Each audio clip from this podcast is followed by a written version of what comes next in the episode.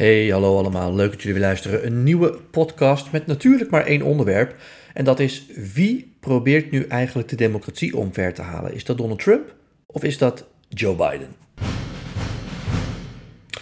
Ja, uh, veel aandacht natuurlijk deze week voor uh, de speech die Joe Biden gaf. Ik heb er zelf ook wat uh, over verteld in Vandaag Inside. Om daar maar meteen mee te beginnen, want ik heb ook flink wat vragen gekregen over hoe is dat nou daar achter de schermen en hoe is dat nou met jou en Johan. Nou ja, tussen mij en Johan is alles prima. Hij maakt alleen af en toe de grap dat hij vindt dat ik wat lang praat. En ja, dat is ook waar. Ik praat af en toe te lang. Ik hoor van vrienden af en toe. Uh, ja, je bent op tv hetzelfde als in het echt. Nou, dat betekent waarschijnlijk dat ik op tv ook veel te lang praat. Dat doe ik in het echt ook.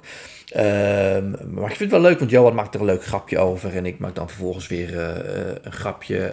de volgende uitzending, toen antwoordde ik expres heel kort op een aantal antwoorden. Dus nou ja, ongetwijfeld de komende uitzendingen komen we ergens in het midden uit. Maar uh, nee, vandaag in site vind ik nog steeds heel erg leuk om te doen. Daar krijg ik ook veel uh, vragen over. Blijf je daar aanschuiven? Niet vanwege dit, maar überhaupt kom je nog een paar keer terug. Maar ik blijf zeker aanschuiven. Ik zeg altijd, zolang Trump gekke dingen doet, blijf ik aanschuiven. En deze keer is het niet Trump die gekke dingen doet, maar is het Biden die iets heel geks doet. Want Biden heeft die bekende speech gegeven, die ook in Nederland veel aandacht heeft gehad, over de staat van de Amerikaanse democratie. En waarom is dat gek? Nou, het is sowieso gek natuurlijk dat je moet waarschuwen voor het omvallen van de Amerikaanse democratie. In feite zei Biden, uh, wij, de Democratische Partij, we hebben allemaal ideeën, maar we strijden vooral ook voor het behoud van de democratie in één partij. De Republikeinse Partij, die is afgegleden naar een half fascistische partij die de verkiezingsuitslag niet meer accepteert. Nou, tot zover überhaupt een rare boodschap. Maar als je vindt dat je die moet geven, is dat natuurlijk belangrijk om dat uh, te doen. Het is natuurlijk ook een van de redenen waarom Joe Biden überhaupt president is uh, geworden. Het was niet de meest sprankelende kandidaat. Het was zeker niet de meest jonge kandidaat. Maar het was wel de enige kandidaat die een redelijk alternatief kon zijn voor Donald Trump. Die eigenlijk ook een ongevaarlijk alternatief was. En het is natuurlijk ook waarom Biden überhaupt zijn campagne was gestart. We weten dat nog. Die is zijn campagne gestart naar aanleiding van wat er in Charlottesville, Virginia is gebeurd toen er uh, extreemrechtse demonstranten op de vuist uh, raakten met andere demonstranten. En Trump zei, er zaten aan beide kanten van het spectrum goede mensen. Waarop Biden zei van ja, maar uh, je kunt niet zeggen dat extreemrechtse mensen die met uh, beelden uh, lopen, dat dat goede mensen zijn. En toen noemde Biden hè, de battle for the soul of our country, de strijd om de ziel van het land, als een van de redenen waarom hij toch president wilde worden. Dat zal voor een heel groot deel ook waar zijn. Hij zal dat echt zo voelen. Tegelijkertijd, iedereen moet een reden hebben waarom hij president wordt. En voor Biden is dat toevallig deze. Het vreemde aan die speech die Biden gaf, was vooral dat hij daar een aantal dingen met elkaar vermengde. Want als hij puur en alleen die boodschap gaf, hè, uh, de Democratische Partij uh, strijdt voor de democratie, de Republikeinse Partij is vervallen naar een half fascistische partij. Ja, als je dat vindt, is dat natuurlijk een belangrijke boodschap om te geven. Maar tegelijkertijd vermengde hij daar ook in een aantal onderwerpen als, nou ja, wij zijn de partij van vooruitgang, voor, voor het behoud van het homohuwelijk, voor het behoud van het recht tot abortus. En de Republikeinen proberen al die verworven rechten weg te nemen. En toen dacht ik, ja, hier ga je een beetje van padje. Want nu vermeng je natuurlijk twee dingen door elkaar. Als je echt als president boven de partijen wilde blijven staan. En het punt wilde maken dat ja, uh, we kunnen van mening verschillen over allerlei dingen. Maar eigenlijk doet dat er nu niet toe. Nu moeten jullie massaal op mijn partij stemmen. Al is het maar om de democratie te redden. Ja, dan kan ik dat begrijpen. Maar als je dat vermengt met. En vervolgens strijden we ook nog voor deze en deze punten. Dan vind ik dat eigenlijk ja, een hele rare speech om die te geven. Zeker op de plek waar hij hem gaf, in Philadelphia, waar de Amerikaanse grondwet is uh, geschreven. Uh, en de republiek is uitgeroepen, ja, dan is dat heel erg gek, vind ik, om zo'n belangrijke boodschap op die plek te vermengen met uh, partijpolitiek. En die boodschap mag in Nederland uh, wel wat meer genoemd worden. Bovendien is er iets heel hypocriets aan de hand. Joe Biden waarschuwt dus voor die Trump-kandidaten die nu kandidaat zijn voor het congres, die allemaal de verkiezing van 2020 uh, niet respecteren en eigenlijk zeggen dat die verkiezing gestolen is door Joe Biden. Nou, dat belooft natuurlijk wat voor toekomstige verkiezingen. Maar het zijn diezelfde kandidaten die dat zeggen, die door zijn eigen partij gesteund worden om in het congres te komen. De Democratische Partij heeft miljoenen uitgegeven, ik geloof inmiddels meer dan 40 miljoen dollar, om die Republikeinen hun voorverkiezingen te laten winnen en om traditionele, gematigde Republikeinen, de Republikeinen waarvan Joe Biden zegt: Ik wou dat we daar meer van hadden, om die te verslaan. Nou, de strategie daarachter is best te begrijpen. Namelijk, de Democraten denken dat dat geen geschikte kandidaten zijn voor een uh, uiteindelijke verkiezing tussen een Republikein en een Democraat in november. En dat veel kiezers het uh, extreem vinden. Dus door die kandidaten een duwtje in de rug te geven. En hun voorverkiezing, hun Republikeinse voorverkiezing uh, te laten winnen. Ja, hopen de Democraten dat ze hun uiteindelijk kunnen verslaan in november. Maar het blijft natuurlijk wel gek als je hun echt als een gevaar voor de democratie ziet. Om ze dan vervolgens met allerlei geld hun verkiezingen helpen te winnen. Is op zijn minst ontzettend hypocriet. Nou, om een ander beeld te geven over hoe die speech van Biden uh, is ontvangen, uh, is het goed om even naar Fox News uh, te luisteren en naar governor Ron DeSantis, de gouverneur van Florida. een van de kanshebbers voor de Republikeinse nominatie, ook in 2024. En het schoolvoorbeeld van een nieuwe generatie Trump-politici, in de politiek gekomen dankzij Trump. en ook een kandidaat die echt het Trumpisme aanhangt. En die gaf op Fox News zijn analyse over die speech. En die gaat als volgt. Well, I thought it was one of the most uh, disgusting speeches an American president has ever given.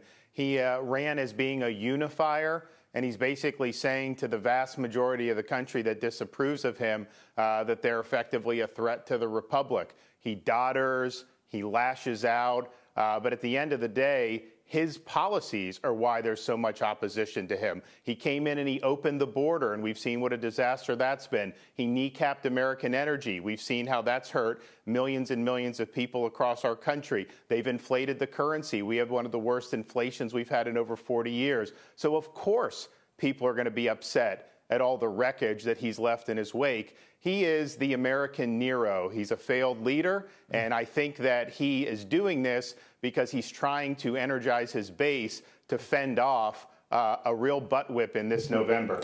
Ja, ik kan iedereen aanraden om af en toe naar Fox uh, Nieuws te kijken. En dan krijg je een heel ander beeld van de Amerikaanse politiek. En dat is ook meteen een mooi bruggetje naar mijn nieuwe boek, Nieuws als Wapen. Ik wil nog even melden dat de voorverkoop nog steeds loopt. Er was wat onduidelijkheid. Ik zag een aantal mensen die zeiden: Ik heb je boek besteld, wanneer komt die binnen? Nou, voorlopig nog niet, want dit is de voorbestelling, de pre-order, uh, so to speak. Uh, het voordeel daarvan is dat je een gesigneerd exemplaar kan krijgen. Het nadeel is dat je even moet wachten, want hij verschijnt half oktober pas echt.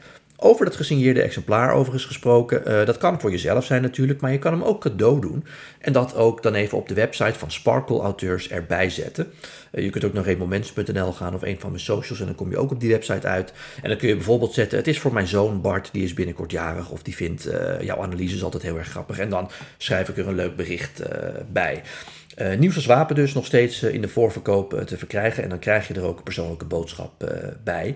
En ik denk dat het steeds belangrijker is om, om, ja, om, om, te lezen over de materie die ik schrijf. Omdat die hele mediaoorlog, die begonnen is met de oprichting van die nieuwszenders, inmiddels een oorlog is om de waarheid. Het is een informatieoorlog geworden. En in die informatieoorlog strijden ook die media, uh, zoals Fox News, maar CNN en MSNBC onder andere met elkaar. En zie je dat waar op CNN en MSNBC bijvoorbeeld soortgelijke geluiden te horen zijn als in de Nederlandse media. Namelijk ontzettend goed dat Biden uh, dit doet en Biden waarschuwt voor het omvallen van de democratie. Dat op Fox News wat andere nuances uh, naar boven komen.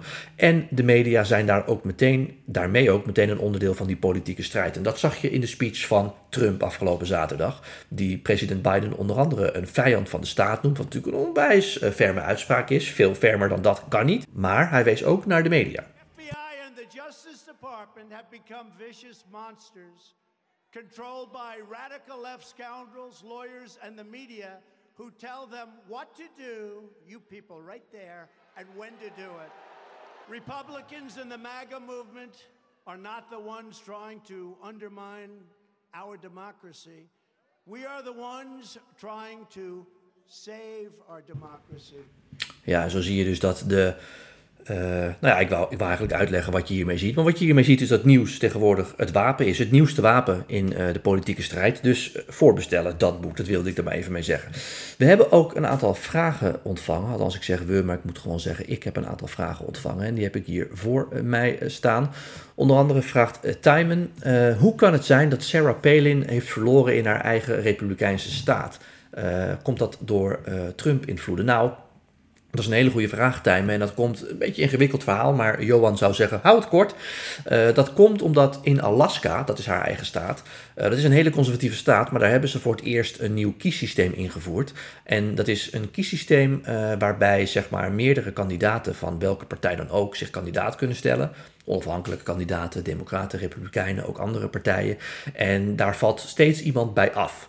Uh, en uiteindelijk bleven er twee kandidaten over met de meeste stemmen, waaronder Sarah Palin en uh, een democratische kandidaat. Uh, die heeft inderdaad nipt wat meer stemmen gehaald. Dat werkt net even anders dan bij andere verkiezingen, want daardoor werden er ook wat stemmen van Sarah Palin weggesnoept door andere kandidaten. Dus ze had het daarmee heel moeilijk. Um, of het 1, 2, 3 iets over Trump zegt, dat weet ik inderdaad, dat weet ik eerlijk gezegd niet. Ik denk dat het meer met het kiessysteem te maken heeft. Ik moet er overigens bij zeggen dat het een verkiezing was, een speciale verkiezing, omdat de voormalige vertegenwoordiger van Alaska, die was overleden. Dus de vrouw die nu gewonnen heeft, de Democraten, die wordt de opvolger van deze man. Maar dat is maar tot en met november en dan moet ze haar plekje meteen weer verdedigen. Dus mocht Sarah Palin het willen, kan ze meteen in de herkansing om ja, om die plek uh, weer over te nemen. Dus enorm uh, rauwig zullen de Republikeinen er denk ik niet om zijn.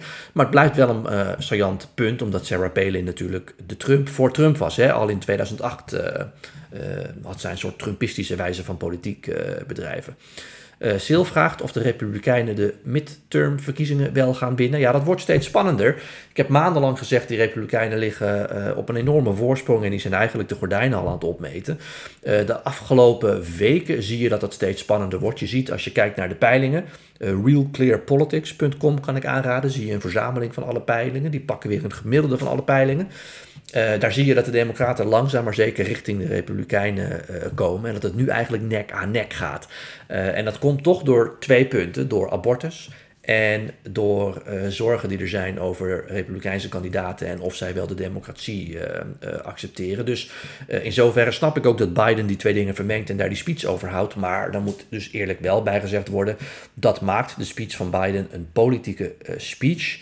En ik denk dat het toch sterker had geweest als, als hij zich alleen had gehouden aan de zorgen die hij heeft over de Amerikaanse democratie. En vervolgens uh, vragen nog een aantal mensen naar de e-mails uh, van Hunter Biden. Uh, en er wordt ook gevraagd of Joe Biden dan the big guy is. Ehm, ik heb al in een eerdere podcast aandacht besteed aan de e-mails van Hunter Biden. En ik denk eerlijk gezegd ook dat we dat binnenkort wel gaan doen in Vandaag Insight of op één, omdat momenteel door de FBI ook onderzoek wordt gedaan. En mogelijk is daar binnenkort nieuws over.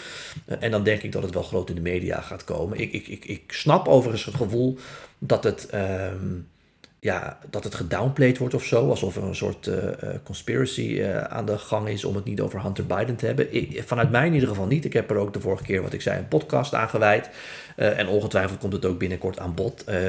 De big guy ja, Biden is de big guy. Wat wordt daarmee bedoeld? Er zijn een aantal e-mails en tekstberichten en ook voicemails en telefoongesprekken naar buiten gekomen. Wat is er eigenlijk niet van Hunter Biden naar buiten gekomen? Want het is tot en met naaktfoto's en video's met hoeren aan toe.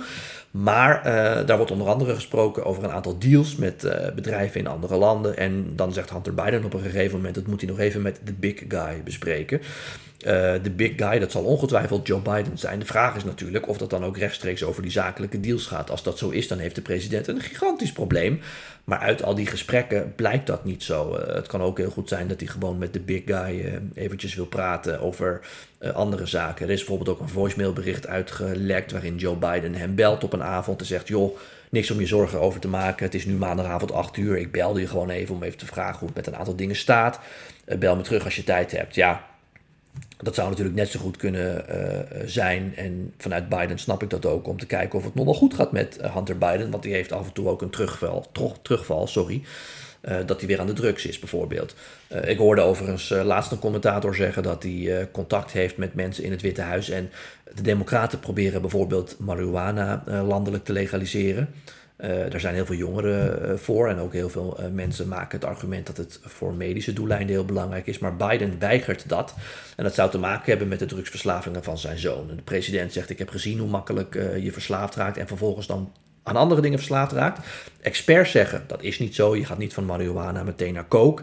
Uh, maar president Biden zegt over my dead body. Ik ga niks legaliseren. Dus uh, je ziet ook dat ook die persoonlijke dingen wel direct uh, ook weer invloed hebben op het beleid van de president en de keuzes die hij wel en niet maakt. Goed, tot zover. Dank weer ook voor de vragen. Natuurlijk weer de oproep om uh, gewoon even naar mijn socials te gaan. Kan via LinkedIn, Twitter of Instagram en andere vragen te stellen. Dan neem ik ze de volgende keer mee. En dus ga naar sparkleauteurs.nl en bestel dat boek voor. Uh, nieuws als wapen. Dan heb je hem als eerste in huis met een persoonlijke boodschap. Tot zover, tot de volgende keer.